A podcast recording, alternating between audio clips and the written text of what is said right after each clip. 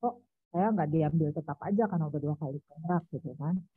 Nah itu eh, apa yang sebenarnya kami tahu bahwa itu misalnya ya eh, klien tahu bahwa itu adalah pelanggaran gitu kan. Karena jumlahnya mungkin nggak nggak satu tapi ada ada juga beberapa.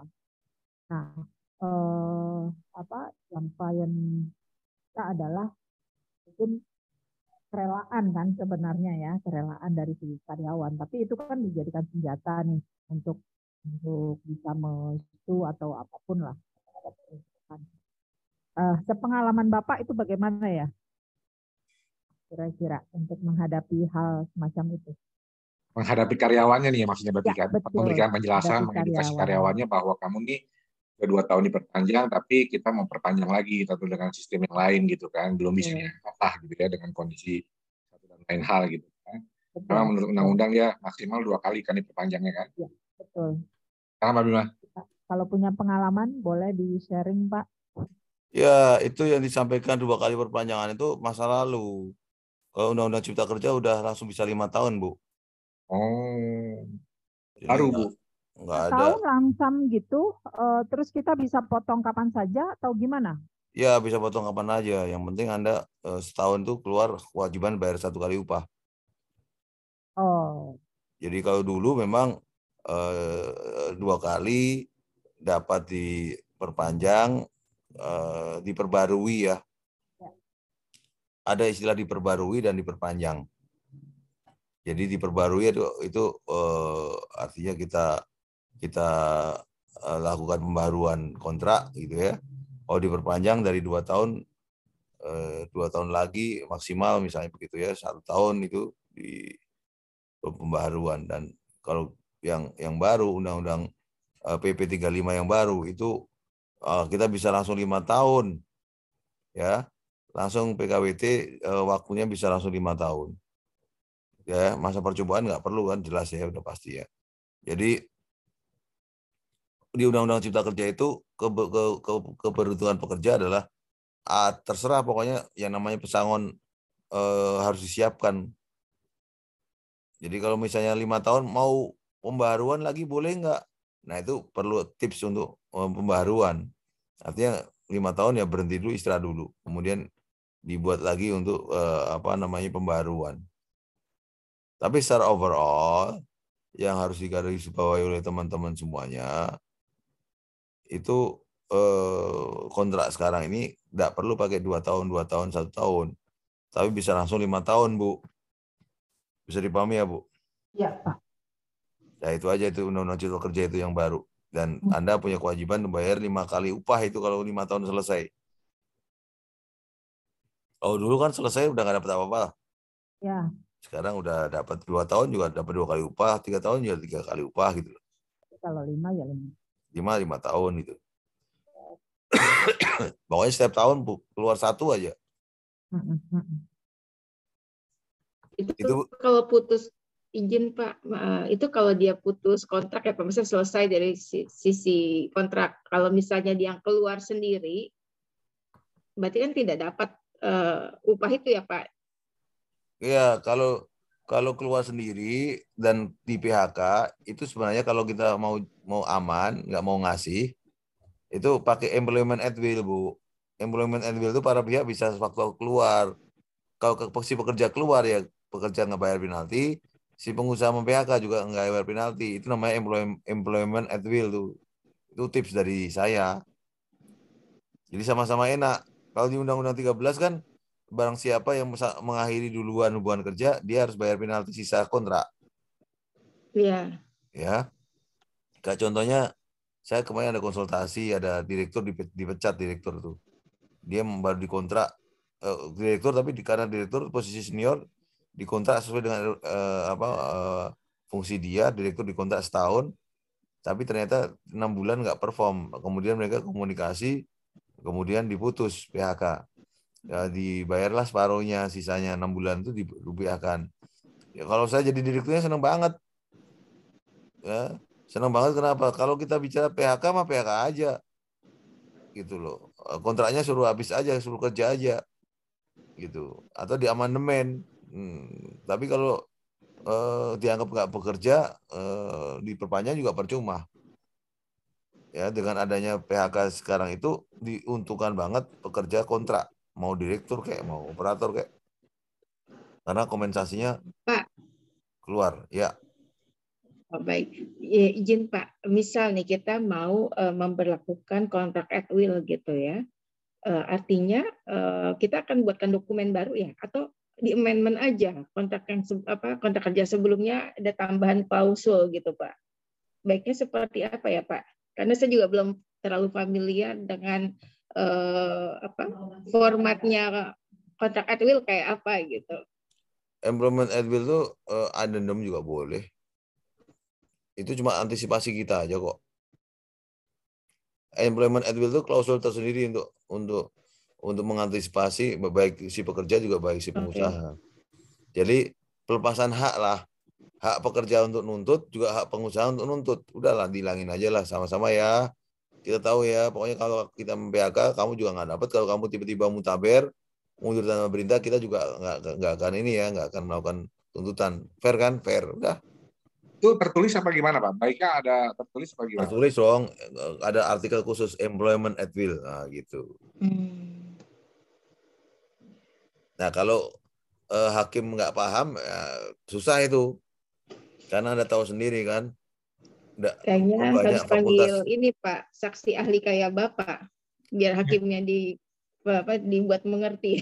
Uh, jangankan saya, banyak kadisnaker aja nggak paham. Kadisnaker kadisnaker kita kan banyak yang dari uh, bukan dari hukum. Betul.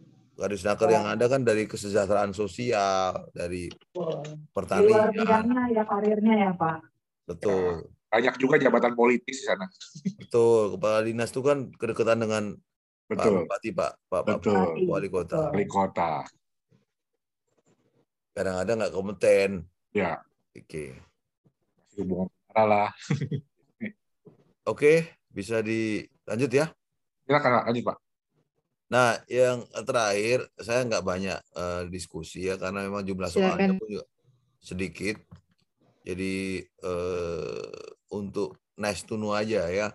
Jadi ada tugas kita sebenarnya di dalam HR itu terkait dengan ya contohnya adalah HRIS ya digital transformations ya uh, terkait dengan HR teknologi terkait dengan risk management dan seterusnya ya tapi nggak banyak Kenapa saya tetap singgung ya? Karena memang itu kurikulumnya ya untuk pemahaman kita bersama saja. Jadi eh, risk management itu eh, menjadi topik yang hangat ya dengan eh, ISO bahkan ya.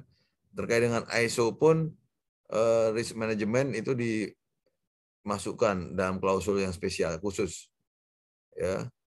ISO ISO 31000 ya. Tentang enterprise risk management ya. 31.000 2018.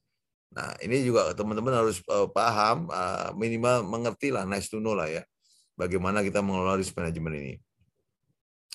Jadi ada istilahnya personal risk, ada physical assets ya, ada faktor teknologi, ada gugatan lah ya, lawsuit ya, ada eksternal regulator, uh, external fraud juga menjadi bagian dari concern kita. Tetapi intinya apa? Intinya dua, loss prevention, mitigasi ya, loss prevention, dan speed of recovery, business continuity. Jadi kalau ada masalah terkait dengan risiko perusahaan, itu cepat diantisipasi. Cepat kita untuk melakukan loss prevention. Jadi jangan jangan sampai berkepanjangan risiko itu dipegang oleh uh, perusahaan, mengganggu uh, perusahaan dan juga karyawan. Jadi cepat-cepat kita handle. Sama seperti COVID. COVID ya memang itu fakta. Tapi kan bisnis harus jalan terus. Bagaimana cara menyelesaikannya? Nah itu ada risk management ya. Eh, bahkan 45 ribu 1, 2, 3, 4, 5 itu. Bukan cuma 31 ribu 2018. Ya, jadi teman-teman semuanya, mau tidak mau kita sebagai praktisi HR itu harus bersandar pada kebijakan yang uh, umumnya berlaku. Nah, salah satu hal yang harus dipahami adalah ISO. Karena memang global standar. Ikuti aja itu. Jadi secara kompetensi kita tahu undang-undang, tahu standarisasi sistem, dan tahu HR HR praktisnya. Ya, praktek HR-nya kayak gimana, legal standarnya gimana, quality sistemnya seperti apa, ISO-nya seperti apa. Jadi praktisi HR jangan segan-segan untuk mem mem mem membaca, mendalami hal-hal yang sifatnya uh, standar uh, mutu atau uh, sistem internasional. Ya, Anda pelajari aja sebagai tambahan. Ya. Nah, risk uh, management system itu kita punya pendekatan yang kurang lebih sama dengan ADDIA model. Kalau tadi ada assess, design, develop, implement, evaluation. Ini sama, ini cek juga, cek cap the cycle, cek again cek risikonya, develop sistem, implementasi, monitor hasilnya, evaluasi, modifikasi, jalankan lagi, assessment dan seterusnya. Cek again. Kebru cek again. Jadi nggak ada yang nggak ada yang baru ya. Metodologinya semua sama. Metodologi itu adalah PDCA. Metodologi itu adalah Kebru cycle. Metodologi itu adalah DUMEC, langkah-langkah. Masing-masing metodologi ada step, step-step itu punya toolkit, punya alat-alat yang kita gunakan untuk mengeksekusi. Kalau dalam IDDIA model tadi adalah need analysis, training need, training plan, training execution, training report, training evaluation dan seterusnya. Ya, nah, itu yang uh, perlu saya sampaikan. Jadi nggak ada apa ya, nggak ada yang baru. Kalau anda mendalami sistem di dalam konteks uh, organisasi itu nggak ada yang baru, nyaris nggak ada yang baru satu dekade terakhir, dua dekade deh, ya hanya teknologinya yang berubah pesat. Teknologinya berubah pesat HR. Tetapi dalam konteks uh, sistem uh, pendekatan metodologi uh, nggak berubah. Ya. Nah, ini adalah pendekatan uh, business continuity dan disaster recovery, speed of recovery. Jadi apa pun yang terjadi, mitigasinya harus jalan dan cepat recover. Bencana Cianjur kemarin, itu bencana Cianjur juga sama. Kita nggak bisa lama-lama lah termenung di bawah pohon kemudian eh, mengharapkan semuanya selesai nggak bisa. Speed of recovery itu harus selalu disiapkan oleh pemerintah. Nah kelemahan kita adalah recovery planningnya itu. Recovery planningnya itu tidak terstandarisasi sampai sekarang. Sampai akhirnya apa? Begitu ada masalah, problem identitas yang bantu dokternya Nasrani masalah. Ya, orang mau ngasih pem, apa pertolongan pertama ditanya dulu sama orangnya bapak agamanya apa? Akhirnya apa dokter-dokter yang di lapangan pada balik itu yang yang yang dari Nasrani atau min Hindu Buddha gitu. Ini yang saya bilang kita mengalami satu kondisi krisis yang yang akhirnya berpengaruh pada recovery planning planning dan itu terkait dengan hal yang sepele. Yang harusnya di usia kemerdekaan yang sekian puluh tahun ini kita nggak ada isu itu. Masih muncul lagi. Ya jadi itu itu memprihatinkan. Nah sekali lagi bisnis continuity dan recovery planning ini kalau uh, kita sebagai praktisi HR ya kita harus siapin sendiri. Uh, ada desk uh, crisis management. Bagaimana melakukan apa? Who does what? Siapa melakukan apa?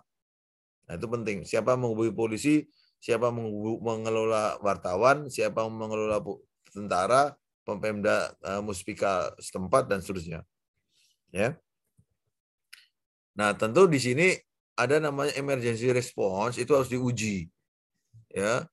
Melibatkan senior manajemen buat tim, buat prioritas uh, mengkomunikasikan update, semua plannya sampai kepada uji coba simulasi gempa dan seterusnya, kebakaran dan seterusnya juga harus ditekankan. Saya menghadapi banyak itu ya masalah, termasuk orang orang yang dibunuh di parkiran supir sama truk eh, apa eh, kena truk saling berantem, bunuh membunuh.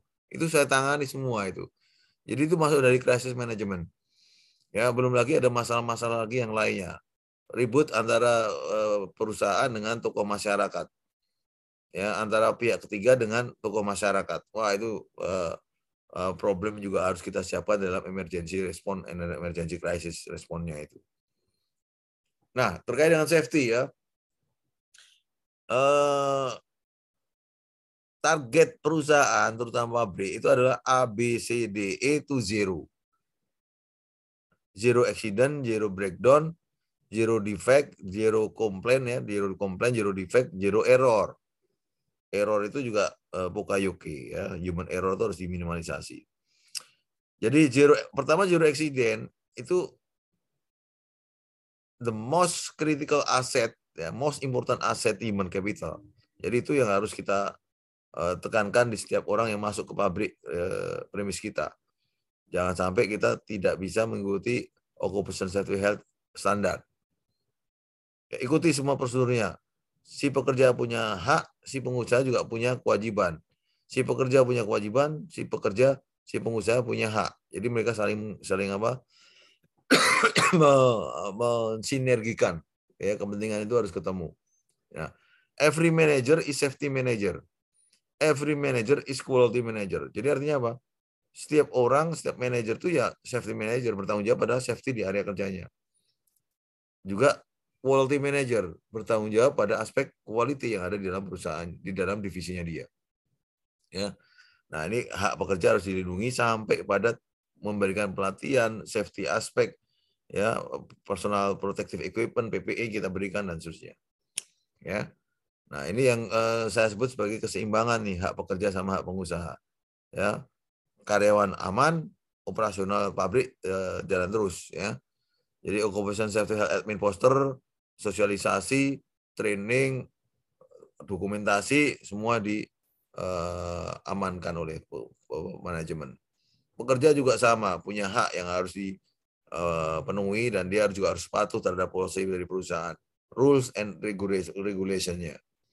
Jadi nggak bisa kita bekerja seenaknya, nggak nggak bisa. Jadi begitu masuk ke dalam premis kita, ya Anda harus ikutin aturan yang ada. Kalau nggak, sorry aja, Anda tidak patuh dan kita punya hak untuk mengeluarkan dari perusahaan.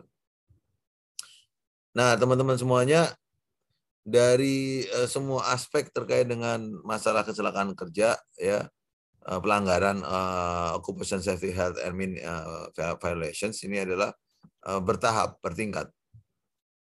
Ya dari yang intensional sampai de minimus dari yang serius sampai yang biasa-biasa aja nggak ngaruh ya dari yang willful serius other than serius repeat sampai de minimus. Artinya uh, tidak ada dampak kepada uh, safety atau health. Nah ini juga harus dipahami dalam ujian juga. Kadang-kadang satu nyelempit soal yang kayak gini masuk di bagian mana? Full serius atau dan serius repeat atau minimus. Ya.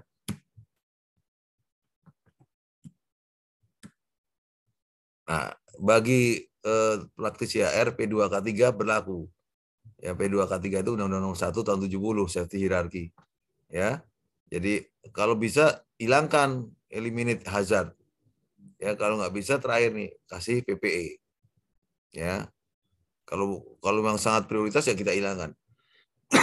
Jangan sampai uh, menjadi uh, apa bumerang buat si pengusaha dan si pekerja. Ya kasih tanda-tanda, kasih warning sign, kasih training, kasih PPE. Tapi kalau bisa ya langsung eliminate aja kalau memang bisa ya. Jadi menghindari risiko. Oke, jadi eh, saya simpulkan lagi ya. Nah, peran HR apa? Memfasilitasi. HR memfasilitasi program P2K3. Ya, P2K3 itu keselamatan kesehatan kerja ya. Dan line manajemen dia bertanggung jawab di area kerjanya terkait dengan apa? Aspek safety dan quality. Production safety quality ya. Nah, bagaimana menghindari uh, eksiden? Ya, tentu kalau kita bicara kita membangun behavior based safety, budaya, culture. Kalau budaya culture nggak terbentuk, orang menganggap nyawa murah.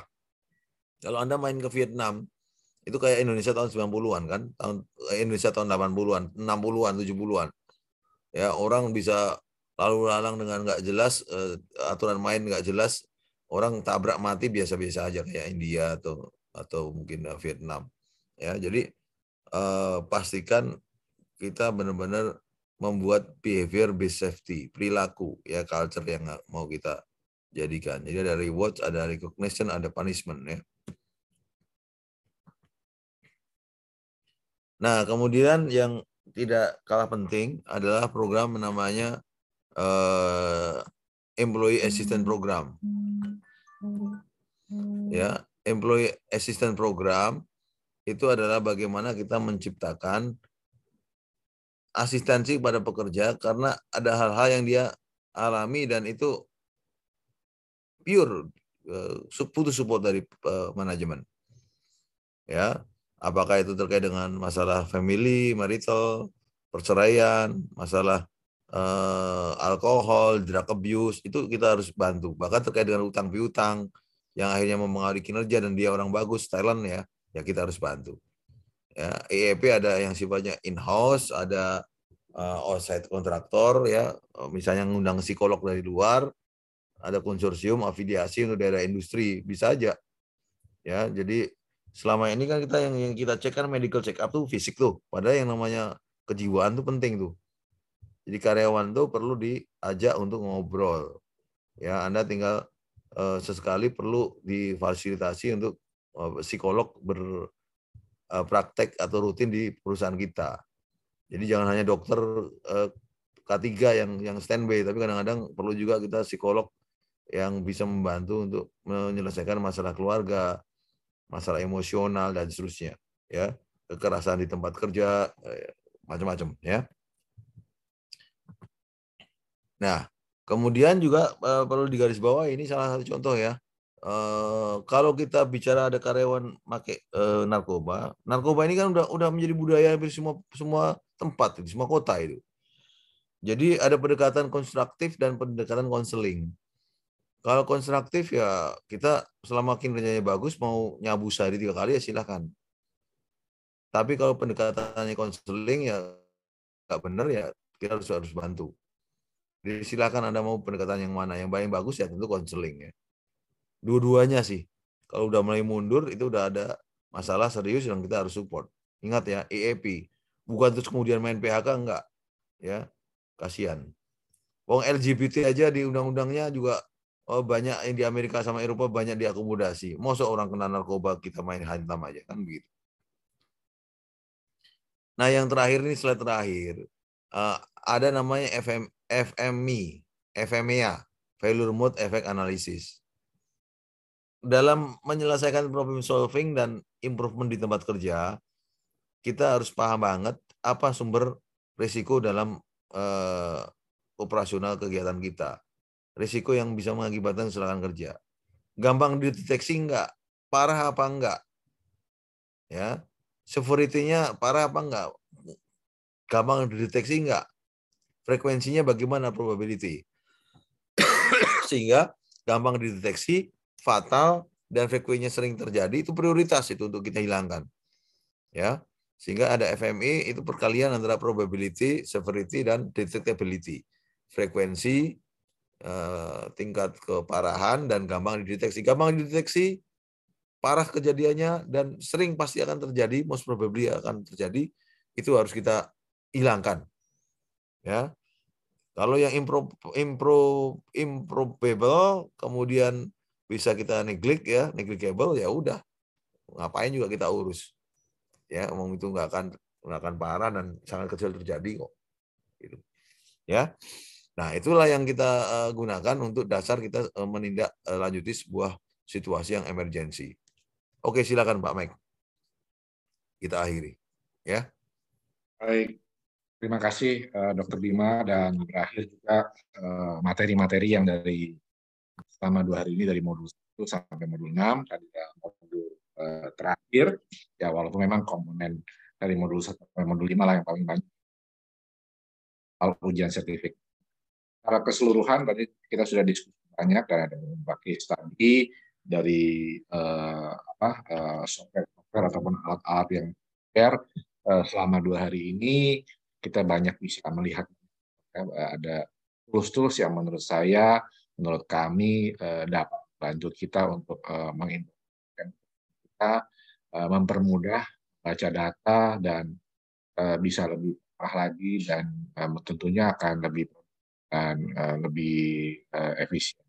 Nah, kita masih ada waktu apabila ada yang mau bertanya, silakan dari Bu Tia, Bu Ratri, Sonia baik di modul 1 sampai modul 6 ataupun case-case yang seperti saya sampaikan yang uh, pernah dialami baik di perusahaan saat ini di Indonesia ataupun perusahaan yang lalu silakan.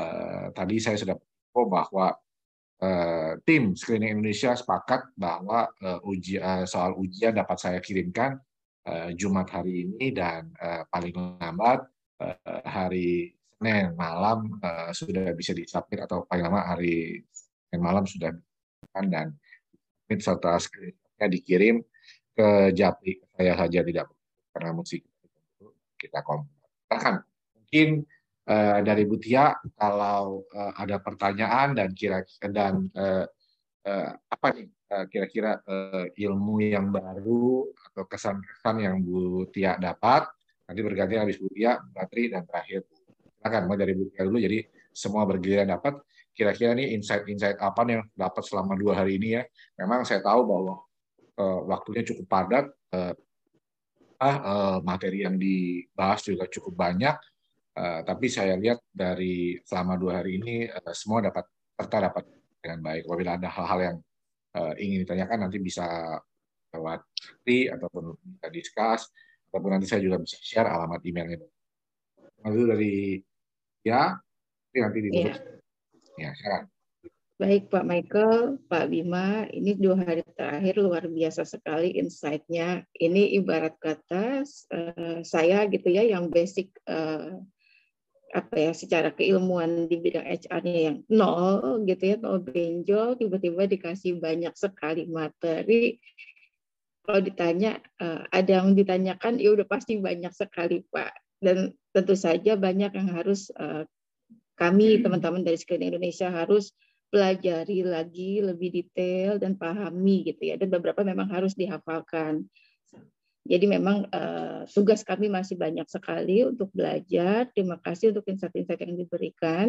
Uh, pasti nanti uh, kami akan sering berkomunikasi antara dengan Pak Michael atau dengan Pak Bima untuk uh, memastikan apakah yang kami pahami itu sudah sesuai atau belum seperti itu.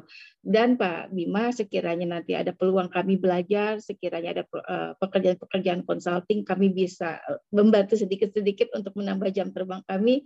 Jangan sungkan-sungkan Pak hubungi kami. Dengan senang hati kami ingin belajar. Kakak. Terima kasih. Ya, lanjut ke Bu Ratri. Jangan Ratri. Baik. Uh, sedikit mirip tetapi memang dalam dua hari ini uh, sebenarnya banyak sekali ilmu secara secara teori ya. Secara teori yang sebenarnya mungkin sudah uh, prakteknya. Prakteknya beberapa tahun uh, saya bekerja di perusahaan yang yang memang sejenis uh, seperti yang saya dan Butia dan Mbak Sonia ada gitu ya. Eh, prakteknya itu sudah kami lakukan, tetapi kami masih sering bertanya ini benar apa enggak ya yang kami lakukan. Eh, merujuk lagi ke berbagai aturan, merujuk lagi eh, kalau kalau misalnya eh, apa sejauh itu tidak melanggar ya kami lakukan. Kadang kan juga kalau eh, atasannya orang asing, kadang kita dijadikan bumper juga nih Pak kalau bawahan langsung. Karena kan mereka tidak eh, apa tidak diperkenankan untuk menandatangani tadi semacam eh, SP misalnya kan. Eh, jadi ya sebagai sebagai saat itu sebagai bawahan ya eh, kami wajib gitu ya wajib melakukan hal-hal yang yang memang kalau teman-teman melanggar SOP eh, ya walaupun saat itu uh, apa posisinya bukan HR ya, tapi uh, sebagai program officer yang banyak membawahi uh, berbagai apa berbagai divisi gitu. Nah, kadang jadi ketumpuan juga tuh Pak untuk menandatangani benar apa enggak. Uh, pertanyaan itu selalu muncul. Nah, kalau yang di tempat sekarang uh, memang betul seperti Bu Tia bilang bahwa pelajaran yang dua hari ini bikin tambah melek gitu ya. Uh, ya tadi prakteknya sudah sudah ada, tapi uh, teorinya oh ternyata apa yang kami lakukan benar. Nah terkait dengan manajemen risiko memang uh, apa, kami membantu klien dengan khususnya untuk manajemen risiko, misalnya terkait dengan fraud atau terkait dengan pemeriksaan karyawan, memang itu eh, kami lakukan, tetapi uh, bukan yang terkait dengan masalah internal uh, apa uh, masalah internal mereka lah gitu. Itu sih Pak yang pengalaman saya. Dan kami akan terus berhubungan dengan Pak Bima dan Pak Faisal eh, karena banyak hal mungkin bisa di apa bisa bisa di sharing atau kami malah yang kami konsultan tapi jadi kami ada ada tambahan uh, guru lagi nih untuk bisa kami konsultasi lagi gitu. Itu sih Pak. Terima kasih banyak sudah dua hari ini membantu kami. Terima kasih Bu Ratri. Dan terakhir penutup dari Sonia Yolanda Oke, uh, kalau dari saya selama dua hari ini, uh, apa ya, kalau berbicara di bidang HR ini sendiri, memang uh, saya juga mulainya dari nol banget. Kemudian dibanding dengan Butia dan Buratri, mungkin kan pengalaman saya yang paling uh, paling sedikit gitu, mau di apalagi di bidang korporasi gitu ya di dunia kerja gitu masih sedikit banget. Saya masih muda banget, tapi hari ini dari hari Senin sampai hari ini dikasih kesempatan untuk belajar, uh, terutama dari Pak Bima yang udah share banyak sekali knowledge, terlebih juga tools-tools yang udah dikasih uh, dari yang saya udah coba dari kemarin dan hari ini. Saya rasa tools yang diberikan itu uh, bagus banget dan juga pasti akan sangat uh, terpakai buat saya ke depannya gitu dan uh, intinya uh, saya cuma mau mengucapkan terima kasih banyak untuk uh, Pak Bima yang udah uh, banyak sharing uh, ilmu ke kita. Mungkin ke depan nanti juga saya mungkin uh, jadinya apa ya banyak belajar terms-terms baru juga di dalam HR mungkin kalau Butia Buratri udah sering dengar saya yang belum pernah dengar jadi kayak agak up dikit Pak Bima sambil jelasin saya sambil Google juga ini apa maksudnya gitu tapi uh, syukurnya dalam waktu dua hari uh, lumayan bisa mengikuti. Kemudian um, intinya uh, terima kasih banyak untuk semua ilmu yang udah dibagikan. Semoga ke depan uh, saya juga apa ya di dalam bidang HR ini uh, enggak malu-maluin Pak Bima deh gitu sebagai salah satu uh, lulusan uh, yang disertifikasi sama Pak Bima gitu ya yang dibawa didikannya Pak Bima gitu Uh, itu aja. Lulus ya. iya. itu aja mungkin Pak Mai. Terima kasih Pak Mai dan Pak Bima. Selamat sore. Oke, baik. Yakin lulus ya. Ya kita semua uh, yakin lah ya lulus ya. Makanya, Amin. Nggak lama-lama katanya nggak perlu dua minggu kata Bu Tia. Cuma tidak aja lah. Karena lebih mereka nggak kepikiran gitu kan. Uh, jadi uh, apa uh, semakin cepat tahu hasilnya kita semakin apa uh, tahu langkah-langkah berikutnya. Baik, terima kasih buat uh, uh, Dr. Bima Hermasto, kami bersama manajemen Indo Human Resource uh, mengucapkan terima kasih selama dua hari ini untuk keilmuannya dan menuntun kita juga uh, melalui konsultasi-konsultasi ke depannya untuk uh, pemahaman terkait uh, sertifikasi CPHRM, HRBP, HRMP ataupun hal-hal uh, yang berhubungan dengan human resource. Terima kasih Dr. Hermasto dan kepercayaan juga yang diberikan oleh PT Screening Indonesia oleh Bu Tia, oleh Bu Sonia dan Latri. Semoga ke depannya kita dapat bekerja sama lagi. Dan kami atas nama manajemen Indo Resource uh, mengucapkan mohon maaf apabila ada kekurangan-kekurangan dalam penyelenggaraan selama dua hari ini. Mungkin akses internet yang up and down ya. Kalau Zoom ini memang kan kelemahannya akses internetnya up and down dan tidak mengurangi makna tentang pemahaman uh, dari uh, sertifikasi HR ini. Terima kasih. Assalamualaikum warahmatullahi wabarakatuh. Sampai jumpa lagi. Salam sehat buat semuanya. Waalaikumsalam warahmatullahi wabarakatuh. Terima kasih. Sehat selalu Pak Bima, Pak Michael. Sampai jumpa lagi. Sampai jumpa Sampai Bu jumpa. Tia, Bu Ratri, Bu Sonia, Pak Mike. Terima kasih. Assalamualaikum semuanya. Sehat, Pak. Oke, okay, thank you. Nanti bisa lanjut di grup.